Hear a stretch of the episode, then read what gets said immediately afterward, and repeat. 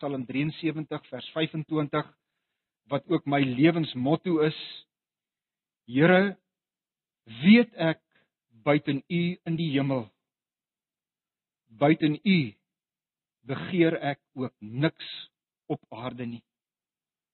En daarom kom bely ons ook ver oggend saam met Paulus dat alles uit U en deur U en tot U is. En dis in U naam, ons Vader en Seun en Heilige Gees, dat ons ver oggend hier teenwoordig is en bid ons en pleit ons vir 'n wonderlike ontmoeting ook met U. Amen. Gemeente, ek het ehm um, nadat ek verlede Sondag hier was, nogal geworstel oor waaroor ek ver oggend moet preek, want dis lydenstyd. En verlede Sondag se preek het aangeraak in die aanloop tot die lydenstyd en nie soseer die lydenstyd as sodanig nie.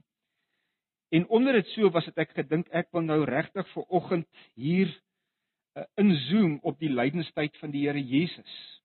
En in my voorbereiding soos wat ek daarmee besig geraak het, het ek net al hoe meer gelei gevoel om dit waaroor ek verlede Sondag gepreek het om daarbey aan te sluit want dit is ook sinvol en ek vertrou ook dat ons ten spyte daarvan ook in die gees van die lydenstyd is en dat ons ook by die huis in ons persoonlike stilte tyd dit ook so sal beleef. Maar as u dan net sal verstaan hoekom ek ver oggend spesifiek oor hierdie gedeelte preek. Ons gaan vanoggend uit twee gedeeltes uitlees en die eerste is die gedeelte wat ons verlede week dan gelees het Johannes 13 van vers 5 en van vers 33 kom ons maak van van 32 af. Ehm um, ons kan dit eintlik van vers 30 af maak en dan gaan ons ook uit Galasiërs 5 lees. So ons lees uit Johannes 13 en ook uit Galasiërs die 5de hoofstuk. Johannes 13, ek gaan vers 30 net lees. Daar staan Miskien moet ek net sê die Here Jesus is nou hier saam met sy disippels by die laaste maaltyd wat hy nou met hulle nuttig. Dan lees ons dat die Here Jesus klaar sy verraaier Judas aangewys het en nou lees ons in vers 30 nadat Judas dan die stukkie brood gevat het, het hy dadelik uitgegaan.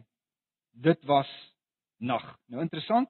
Dit was volmaan en nou ten spyte daarvan staan daar dit was nag. Nou daar's natuurlik simboliese betekenis aan die feit dat daar staan dit was dan nou nag geweest. Maar die punt wat ek wil hê ons moet raak sien is dat wat ook al dan verder gebeur in die Johannes Evangelie, ook in die gedeelte wat ons lees, is Judas wat 'n ongelowige was nie meer daar nie.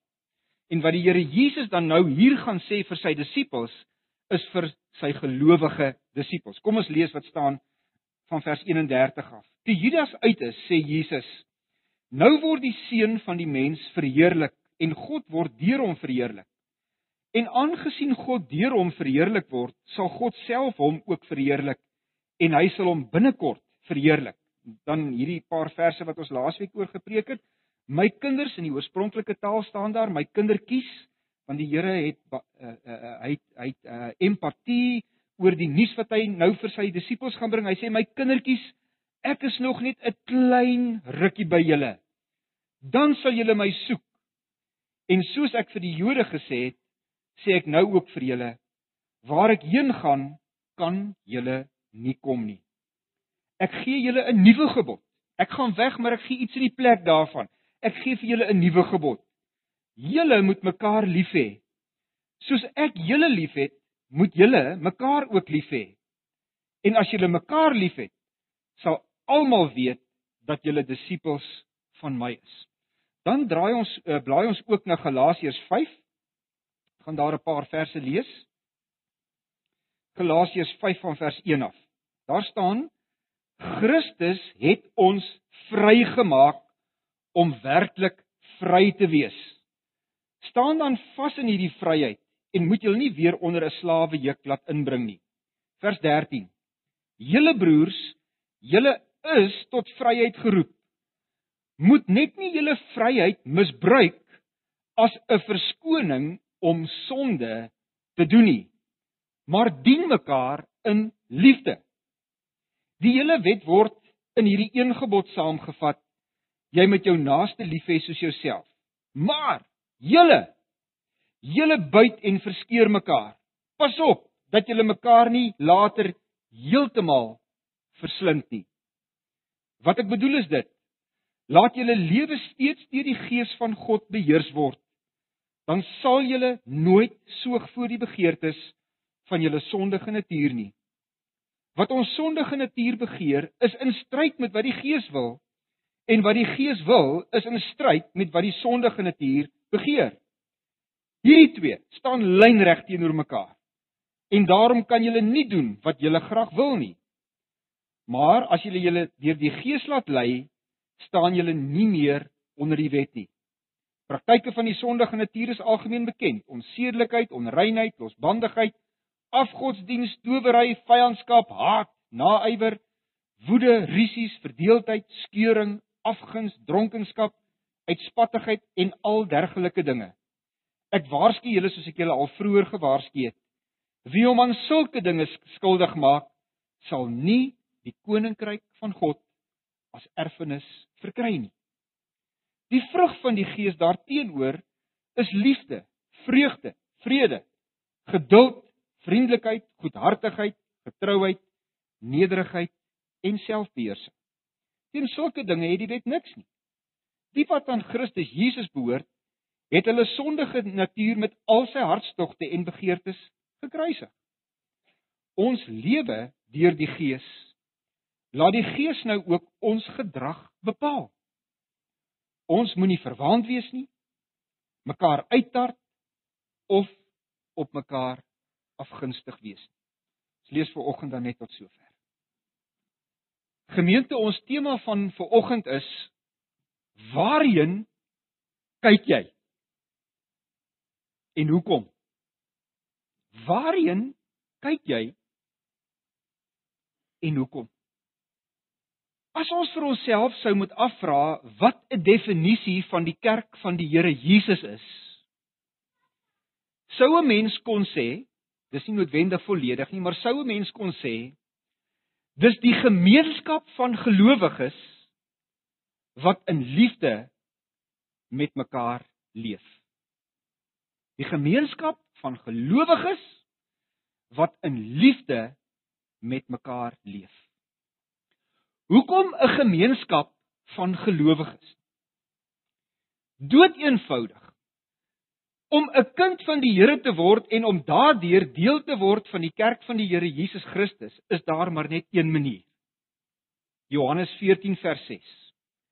Ek is die weg en die waarheid en die lewe. Niemand kom na die Vader toe behalwe deur my nie. Johannes 1 vers 12. Almal wat hom aangeneem het, die wat in hom glo, het hy die reg gegee om kinders van God te word. Maar wanneer ek dan nou 'n kind van God word deur geloof in Jesus Christus, dan ontdek ek dat ek nie die Here se enigste kind is nie. Net soos wat ek deur geloof aan God drie enig verbind is, so is daar ook ander kinders van die Here wat deur geloof aan hom gebind is. En soos wat ons elkeen deur ons individuele geloof aan God verbind is, is ons nie net aan hom verbind deur ons geloof nie, maar as ons ook aan mekaar verbonde deur ons geloofsverbondenheid aan God. Daarom is dit eintlik eenvoudig om dan te sê maar wat is die kerk? In die eerste plek is dit 'n geloofsgemeenskap. 'n Gemeenskap, 'n groep mense wat almal aan God behoort deur geloof in Jesus Christus, maar wat ook aan mekaar behoort. Maar nou is dit so dat 'n geloofsgemeenskap nie net hierdie geloofsverbondenheid aan God en ook aan mekaar het nie. Dit is 'n noodwendigheid tussen gelowiges dat daar 'n lewensingesteldheid onder hulle is en behoort te wees as hulle deur geloof aan God verbonde is en dan ook aan mekaar verbonde is. En ek wil net twee gedeeltes uitlig om dit te bevestig. Die eerste gedeelte kry ons in dit waaroor ek verlede Sondag gepreek het en ek gaan net hierdie stukkie daar uithaal En dit kry ons in Johannes 13 vers 34. Die Here Jesus praat hier met 11 van sy 12 disippels. Judas is uit. Hy was nie 'n gelowige nie. Dis net die 11 gelowige disippels wat oorbly. En Jesus het vir sy disippels gesê en daar daarna het ons verlede Sondag gekyk. Hy het gesê ek gaan nou weg. Dis net 'n kort rukkie dan s'ek by julle. Dit moes vir hulle 'n geweldige skok gewees het. Dat hierdie Jesus wat hulle lewe so geïmpakteer het, nou ewe skielik weggaan. Maar dan sê hy vir hulle, maar in die plek van my wat ek onder julle gehad het, moet daar nou iets anders in my plek kom. Wat gee hy vir hulle? Hy gee vir hulle 'n nuwe gebod. Hy sê julle moet mekaar nou lief hê. Met ander woorde, Jesus se persoonlike teenwoordigheid ja is ingeneem deur die Heilige Gees, die trooster wat hy in sy plek sou gee. Maar die impak van sy teenwoordigheid sou nou ingeneem word deur die liefde wat hulle nou aan mekaar moes betoon. Hierdie Jesus liefde wat hy vir sy disippels betoon het, moet nou uit elkeen van hulle se hart kom en elkeen van hulle moet mekaar nou met 'n Jesus liefde lief hê. Met ander woorde, die Here Jesus sê hier baie duidelik in sy woord dat as 'n mens kinders van die Here is, as jy gelowiges is, is dit onvermydelik dat julle ons as kinders van die Here mekaar nou moet lief hê. Lief hê. En hy sê dit so sterk dat hy net in die volgende vers 5 vers 35 sê hy sê maar as julle mekaar dan liefhet sal almal weet dat julle my disippels is. Hoe sal mense weet dat hulle gelowiges is? Deurdat hulle vir mekaar lief is. En so wil die Here Jesus eintlik vir sy disippels sê om aan my te glo en om liefde onder mekaar teenoor ander gelowiges uit te leef is eintlik kop en stert van dieselfde muntstuk. Dis onmoontlik om te sê dat jy 'n kind van my is, dis onmoontlik om te sê dat jy werklik 'n gelowige is en nie terselfdertyd jou medebroers en susters lief te hê nie. Ons praat nie nou vandag oor naaste liefde nie, dis weer iets anders, maar ons praat nou oor oor broer en suster liefde. Dieselfde gedagte, dieselfde gedagte kry ons in Galasiërs 5 vers 6.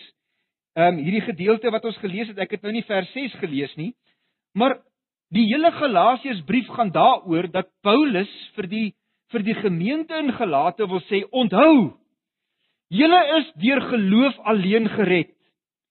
Nie deur wetsonderhouding nie, nie deur goeie werke nie, onder andere deur julleself te laat besny nie. En dan sê hy hier in Galasiërs 5 vers 6, hy sê in Christus Jesus is dit dan nie van belang of jy besny is of nie. Al wat van belang is is en luister mooi hierna is geloof wat deur liefde tot dade oorgaan. Wat is die kenmerk van 'n Christen? Hy's 'n gelowige, maar sy geloof kry voete. Sy geloof kry liefdes voete. Geloof wat deur liefde tot dade oorgaan.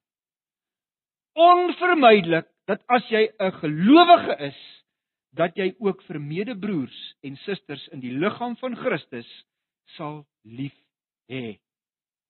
Daarom die gevolgtrekking uit hierdie gedeeltjie wat ek nou hier gemaak het is dood eenvoudig die volgende. Mense as ons beweer dat ons gelowiges is, dan kan ons nie anders as om met ons gesigte na mekaar toe te leef nie. Mense wat in liefde met mekaar leef, leef by wyse van spreuke met hulle gesigte na mekaar toe. Maar gemeente die hartseer is. Die hartseer is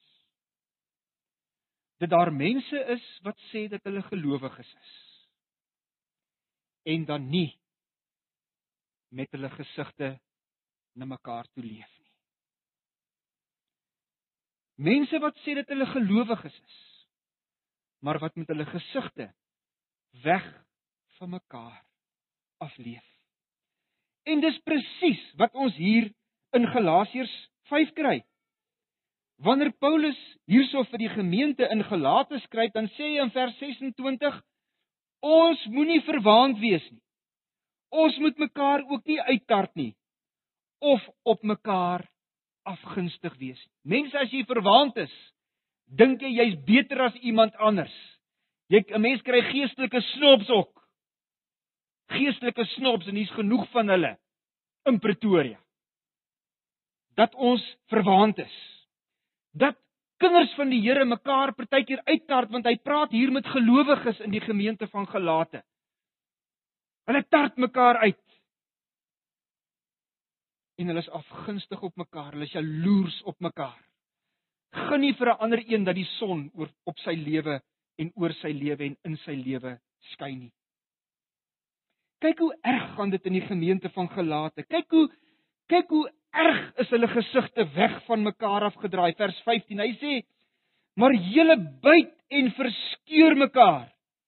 Pas op dat julle mekaar nie later heeltemal verslind nie." Dis 'n beeld van wilde diere wat mekaar pak. Hulle byt mekaar, hulle verskeur mekaar en die gevaar bestaan dat hulle so in hierdie geveg met mekaar betrokke is dat hulle mekaar later heeltemal kan verslind. Gemeente, dit gebeur partykeer dat kinders van die Here ook met hulle gesigte weg van mekaar aflewe. En partykeer is dit nie omdat jy dit openlik doen nie. Dis partykeer net dat jy jouself daarvan weerhou om jou gesig na jou medebroer of suster in die Here Jesus na toe te draai. En albei is ewe erg. Hierdie verskuilde hierdie verskuilde wegdraai of nie kyk na jou medebroer of suster se gesig nie, is partykeer die lelikste manier wat jy nie na jou medebroer en suster in die Here Jesus kyk nie. Kom ons raak 'n bietjie prakties. Hoe gebeur dit kinders van die Here partykeer met hulle gesigte weg van mekaar af leef? Weet jy laat ons nou soos ver oggend hier by die erediens instap. En ons kom hier in en ons doen nie eers moeite of het nie eers die behoefte om vir mekaar te groet nie. Maar ons kom sit net hierso sonder dat ons werklik bewus is van iemand anders om ons. Weet jy broers en susters, dan is ons besig om eintlik nie ons gesigte na mekaar te draai nie. As mense kinders van die Here is, het hulle 'n natuurlike behoefte om hulle gesigte na mekaar toe te draai om die gemeenskap van die gelowiges te ervaar. Een van die skitterendste boeke wat ek destyds moes lees in my studies was 'n boek wat geskryf is deur 'n pa en sy seun. Hulle was swartse gewees. Die eerste teologie in gemeentebou wat in Duitsland verskyn het in die Lutherse kerk. En in die boek skryf die swartse by geleentheid, hulle sê die geloof verlang na die gemeenskap. Die geloof verlang na die gemeenskap. As jy 'n kind van die Here is, is dit vir jou lekker van selfsprekend noodwendig dat jy by ander kinders van die Here wil wees en dit wil geniet. Ja, ons kan selfs wanneer ons in die erediens instap, so ons gedagtes op 'n ander plek hê en nie bewus wees nie dat ons ook ons gesigte so na mekaar toe moet draai en dan met die dominee sê groet gou vir mekaar. Groet gou vir mekaar. Kom ons kyk nou nog dinge in die praktyk van die lewe waar ons partykeer nie met ons gesigte na mekaar toe leef nie. Dit gebeur partykeer dat daar 'n bediening in 'n gemeente is. Miskien is dit 'n sangbediening of miskien is dit 'n 'n kinderbediening of of wat ook al in die gemeente en dis kinders van die Here wat saam moet werk om hierdie bediening te laat gebeur. En dan gebeur dit dat een of meer van die persone in hierdie bediening net dwars trek. Een kant toe trek. spiteful is, teen die res van die groep werk. Broers en susters, dis nie wat die woord van die Here sê hoe ons as gelowiges teenoor mekaar behoort te leef nie. Dit gebeur op kerkraadsvergaderings. Dan kry die dan kry die kerkraadslede voor die tyd 'n notule van dit wat op die kerkraadsvergadering gebeur en dan staan daar bo en onder op die kerkraadsnotule streng vertroulik want niemand mag uitpraat daaroor nie. En dan kom jy agter daar eers is daar 'n punt op die sakelys en dan kom jy agter kyk hier is nou een van daai goed waaroor daar nou vanaand weer beklei gaan word. En in plaas daarvan dat daar met 'n ingesteldheid na die kerkraadsvergadering toe gegaan word om te sê kom ons soek na die soek almal saam na die wil van die Here want dit is 'n saak en dis die Here se saak want die kerk behoort aan die Here die Here Jesus is die hoof van die liggaam. Kom ons soek saam na die na dieselfde wil van die Here om die saak te hanteer. Dan kom party mense met die ingesteldheid, kom ek kyk wat ek kan doen in my voorbereiding dat ek hierdie ou wat die saak op die sakelys gesit het, kan nail. Kom ons kyk hoe 'n lekker fight ons vanaand kan opsit. Gemeente, dis nie hoe kinders van die Here werk nie. Gelowiges het 'n natuurlike behoefte om hulle gesigte na mekaar toe te draai. Maar weet jy wat is vir my die slegste rondom kinders van die Here wat nie met hulle gesigte na mekaar toe leef nie. 'n Mens sien dit partykeer in kollegaskappe tussen predikante van dieselfde gemeente waar hulle dood eenvoudig dwarstrek. Waar hulle dood eenvoudig op grond van verskillende motiewe net nie wil saamwerk en die gemeente ervaar die verskeurdheid wat daar baie keer tussen leraars is want dit veroorsaak ook 'n verskeurdheid in die gemeente. As leraars van 'n gemeente nie met hulle gesigte na mekaar toe leef nie gebeur dit ook dat lidmate van 'n gemeente ook nie altyd met hulle gesigte na mekaar toe leef nie. Maar die kerk is nie net wanneer ons met gemeentelike aktiwiteite besig is nie. Die kerk is oral waar gelowiges is.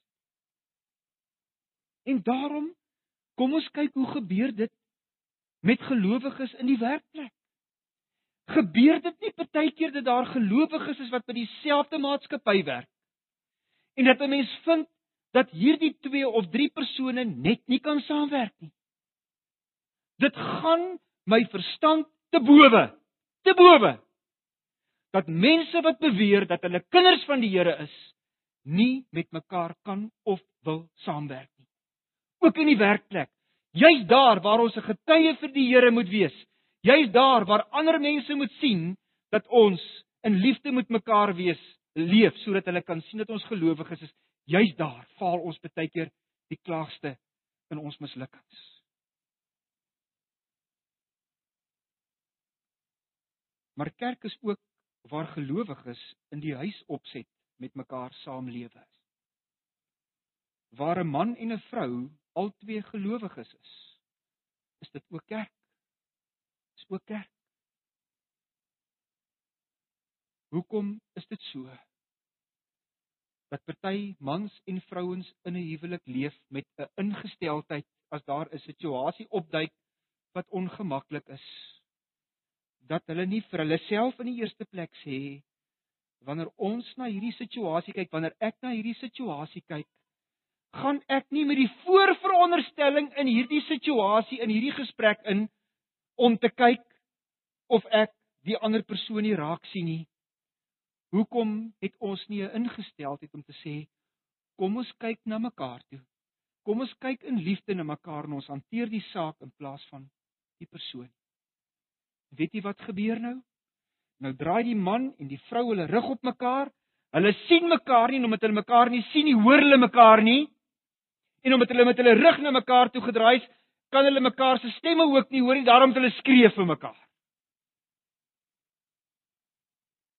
En so byt en verskeur hulle mekaar en so kan dit gebeur dat hulle mekaar dalk later heeltemal verslip. Dieselfde gebeur tussen ouers en kinders. Tussen ouers en kinders. Wanneer ouers dink hulle is beter weterig. En wanneer veral die tienerkinders dink die ou toppie en die ou lady is oudtyds. Hulle verstaan my nie.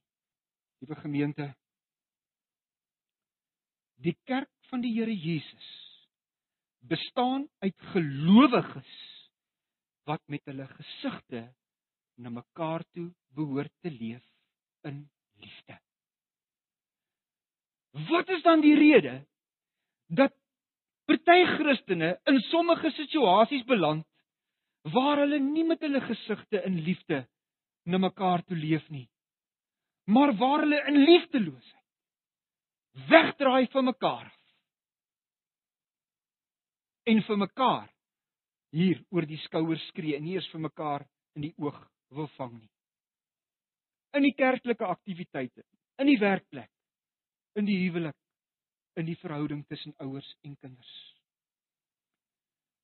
Ons kry dit in hierdie gedeelte wat ons dan gelees het hier in in Galasiërs 5 vers 13 waar Paulus skryf hy sê julle broers hy spreek hulle aan as broers as gelowiges hy sê julle broers julle is tot vryheid geroep. Moet nou net nie hierdie vryheid van julle misbruik as 'n verskoning in die oorspronklike taal staande as 'n springplank, as 'n springplank om sonde sonde te doen nie. Broers en susters, daar is net een ding wat veroorsaak dat mense wat met hulle gesigte, kinders van die Here wat met hulle gesigte na mekaar toe leef, hulle gesigte van mekaar af wegdraai. Net een ding en dis sonde. Net een. Ons lees in Jesaja 59 vers 2 dat daar staan hele ongeregtighede het 'n skeiding tussen julle en God teweeggebring.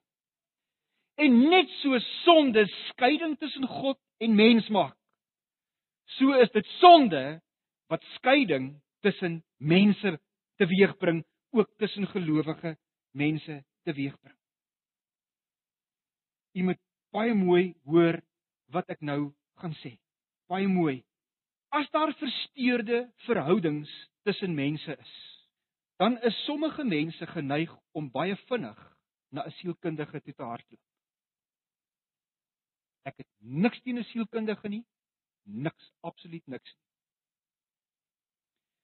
Maar daar sou nooit sielkunde gewees het as daar nie sonde was nie. Daar sou geen nodigheid gewees het om verklaringe te probeer kry vir wangedrag ook in verhoudings teenoor mekaar as daar nie sonde was nie. Wat wil ek hierdeur sê? Ja. Die sielkunde kan vir ons help om sekere gedragspatrone ook teenoor mekaar te verklaar.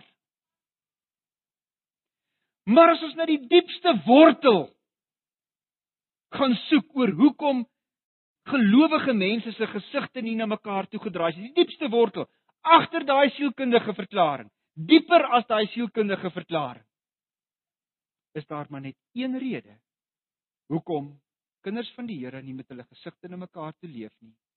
En dit is die sonde. Die sonde. Die sielkunde kan 'n mens dalk tydelik help om net aan die gang te kom om sekere goed te besef voordat 'n mensie tot 'n erkenning kom van dat dit die sonde is wat 'n mens teenoor mekaar stel in die lewe nie, het jy nog nie by die wortel van die probleem jou lewe uitgekom.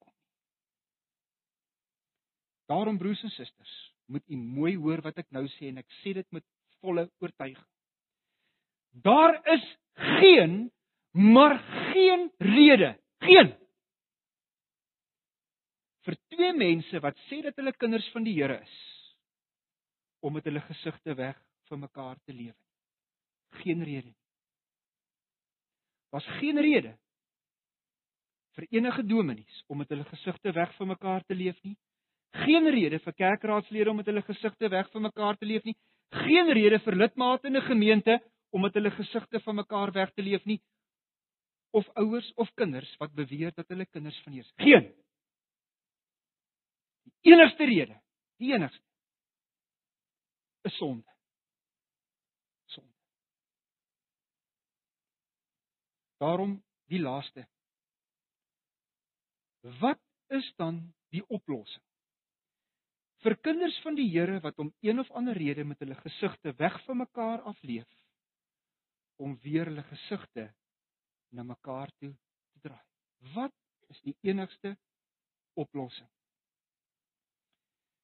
In hierdie pragtige gedeelte in Galasiërs 5 waaroor ek uiteraard nie naaste by uh veel kan sê nie want dit gaan 'n paar preke verg. Handel dit in vers 16 en vers 18 oor die realiteit van hoe 'n Christen se lewe lyk. En dan wil Paulus hier vir die gemeente in Galate sê maar ja, ek erken. As 'n mens 'n gelowige is, is jy nie volmaak nie. As jy 'n kind van die Here geword het, stry jy nog elke dag teen die sonde in jou lewe. Trouwens, daar's 'n verskriklike oorlog in jou lewe aan die gang. Twee keer sê hy dat die gees wat nou in jou is en die sondige natuur wat van buite af deur Satan wat nie in jou lewe is as jy 'n kind van die Here is nie, maar hy probeer van buitekant af jou lewe beheer, stry hierdie sondige natuur wat deur Satan beheer word van buite af en die gees wat in jou is, stry hierdie twee magte in jou teen mekaar. Iemand met die naam van Fritz Ridenour het eendag 'n pragtige ding geskryf. Hy sê eintlik is 'n kind van die Here 'n gelowige 'n wandelende rebellie. Want elke oomblik van die dag is hierdie oorlog in jou aan die gang.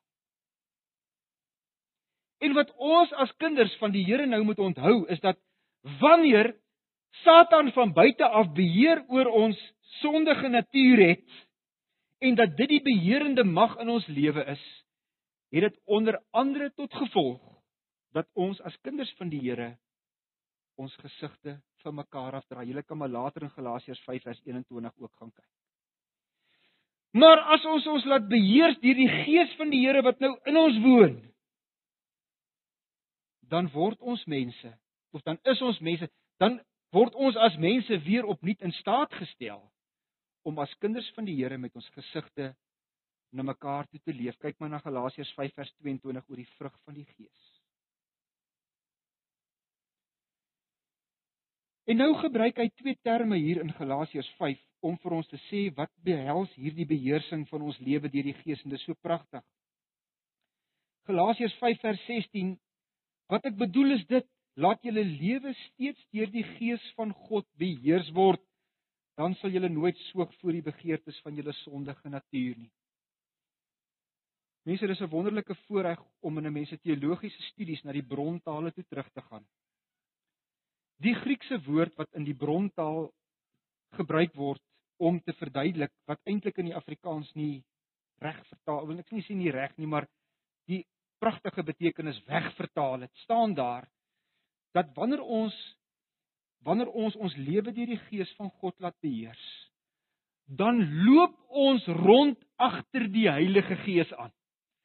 Oral waar ek rondloop loop ek in die voetspore van die Heilige Gees. Is dit nie mooi nie? Ongelooflik. En wanneer daar in Galasiërs 5 vers 25 staan, ons lewe deur die Gees, laat die Gees nou ook ons gedrag bepaal. Staan daar ook in die oorspronklike taal wat nou in Afrikaans vertaal is dat dit jou gedrag bepaal, staan daar as jy dan deur die Gees lewe, as jy 'n kind van die Here is, loop in pas ingelid met die Heilige Gees. Dis 'n militêre term wat gebruik word. Moenie uit pas uit wees nie. Wees in pas met die Heilige Gees. Eintlik maar dieselfde wat met die vorige uh in die vorige vers 16 gesê word net 'n ander woord. Met ander woorde, hoe kry ons as kinders van die Here dit reg wat elke dag die aanvegting van Satan deur ons sondige lewe in ons lewens ervaar dat ons ons gesigte van mekaar af wegdraai, dat dit na mekaar toe gedraai word. Woord van die Here sê vir ons deur agter die Heilige Gees aan te loop om in pas met die Heilige Gees te loop. Broers en susters, wanneer 'n mens 'n kind van die Here word, het jy een van twee lewenswyses as 'n kind van die Here. Jy kan 'n kind van die Here wees wat die Here in jou lewe het, maar waar jy nog steeds in beheer van jou eie lewe is. Of jy kan 'n kind van die Here wees waar die Here in jou lewe is, maar waar hy ook in beheer van jou lewe is. Waar elke gedagte wat jy dink, 'n gedagte is wat jy eers gaan toets het by die gees van die Here. Waar elke woord wat jy uiter, jy eers gaan toets het, is dit wat die Here wil hê. Waar jy in gebed met die Here worstel en sê Here, ek het hierdie moeilike ding wat ek moet hanteer met hierdie of daardie persoon, wat moet ek dink en wat moet ek sê? En elke tree wat ek gee om seker te maak is dit in die voetspore van die Heilige Gees. Ek kan myself nie indink as iemand opreg deur die Gees van God gelei word dat hy wanneer hy na 'n ander kind van die Here kyk en in 'n verhouding met 'n ander kind van die Here staan dat daar enigsins 'n moontlikheid is dat hy sal wegkyk na 'n ander kind van die Here nie. Ongeag hoe die ander kind van die Here na hom kyk. Al kyk die ander kind van die Here weg van hom af, dat hy nog steeds sy gesig na die kind van die Here toe draai, want wanneer 'n mens deur die gees van God beheers word, is jou eie ek nie meer op die troon van die van jou lewe nie, dan het ek geabdikeer en God beheer deur sy Heilige Gees. Dan is ek bereid om die minste te wees, dan is ek bereid om te vergewe, dan is ek bereid.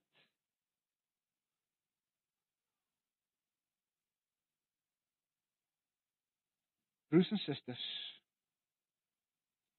Maar nou nou waarsku Paulus hier vir hierdie gemeente. Hy sê pas op. Hy sê pas op. Hier is die Heilige Gees wat ons gesigte na mekaar drum. Hy sê pas op nou. Hy sê as julle hierdie verskriklike goeters doen waar julle nie met julle gesig na mekaar toe leef nie, onder andere wat hier in vers 21 staan. Hy sê wie hom aan sulke dinge skuldig maak, sal nie die koninkryk van God as erfenis verkry nie. Hy praat hier met broers en susters in die Here Jesus met gelowige mense en hy sê vir hulle as julle wat sê julle is gelowiges en wat met wat veronderstel is om met julle gesigte na mekaar toe te leef sou dit gebeur dat julle nie met julle gesigte na mekaar toe leef nie en mense kry die indruk hy bedoel sou dit 'n patroon wees 'n lewenswyse dat julle aanhoudend nie na mekaar toe kyk nie oppas hy sê sal julle nie die koninkryk van God as erfenis verkry. Dit kan vir ons na 'n probleem klink in ons teologie. Want ons leer op baie plekke in die woord van die Here, eenmal 'n kind van die Here, altyd 'n kind van die Here. Johannes 10 vers 28 Niemand sal julle uit my hand ruk nie. Hoe gebeur dit nou hier? Paulus is besig met 'n retoriese tegniek om eintlik vir hierdie gelowige of hierdie mense wat beweer dat hulle gelowiges is, te waarsku. Hy wil vir hulle sê: As julle gelowiges is, sal julle met julle gesigte na mekaar toe leef. Maar as julle sê dat julle kinders van die Here is, gelowiges is, en julle leef nie met julle gesigte na mekaar toe nie en dit word 'n patroon by julle oppas dan is dit dalk 'n aanduiding dat jy nie 'n kind van die Here is nie dan is dit dalk 'n aanduiding dat jy nie 'n gelowige is nie en as iemand nie 'n gelowige is nie kan hy nie die erfenis in die ewigheid erf nie 'n verskriklike vermaaning ek sluit af Waarheen is jou gesig vir oggend gedraai? Waarheen is jou gesig vir oggend gedraai? Hoekom? Amen. Here, ons Here Ten diepste baie dankie vir die voorreg om 'n kind van U te kan wees. Daar is niks wonderliker en niks belangriker as om 'n kind van U te kan wees. Dankie vir U genade. U onverdiende liefde wat U vir ons aan die kruis bewys het en waarin ons in hierdie lydenstyd dink. Hemelvader dat U U eie seun, U eie enigste seun prys gegee het om nie vir ons prys te gee nie. Om ons te red. Dat ons die ewigheid met U kan deel soos wat U ons aan die begin gemaak het. Dankie Here Jesus. Dat U bereid was om hierdie prys te betaal voor die kruis en aan die kruis. En dat U op hierdie op hierdie wyse U Vader se liefdeshart vir ons kom uitpraat het en kom uitwys het. Dankie o Gees van God dat U die ene is wat ons aan beweging gebring het om hierdie verlossing in Jesus te ontvang want ons kan dit nie uit ons eie uit doen nie. Ons wil dit nie uit ons eie uit doen nie. Dis net deur die werk en die beweging van u Gees dat ons kan. O Here, en waar ons in hierdie lydenstyd so bewus is van u totale oorgegewe liefde vir ons. Leer vir ons as kinders van u wat dit beteken om self ook hierdie liefde in ons harte te hê en om dit met mekaar te kan deel en te, te wil deel. En Here, as ek ver oggend dalk in 'n verhouding met 'n medebroer of suster leef waar my gesig nie na hom of haar gedraai is nie, maar weg. Wil U so dringend deur U Gees ver oggend in my hart werk dat ek dit nie daar sal laat nie dat ek nog selfs vandag so gou as moontlik vir u in beheer van my lewe sal plaas. My eie ek sal kruisig. En met hierdie vreemde liefde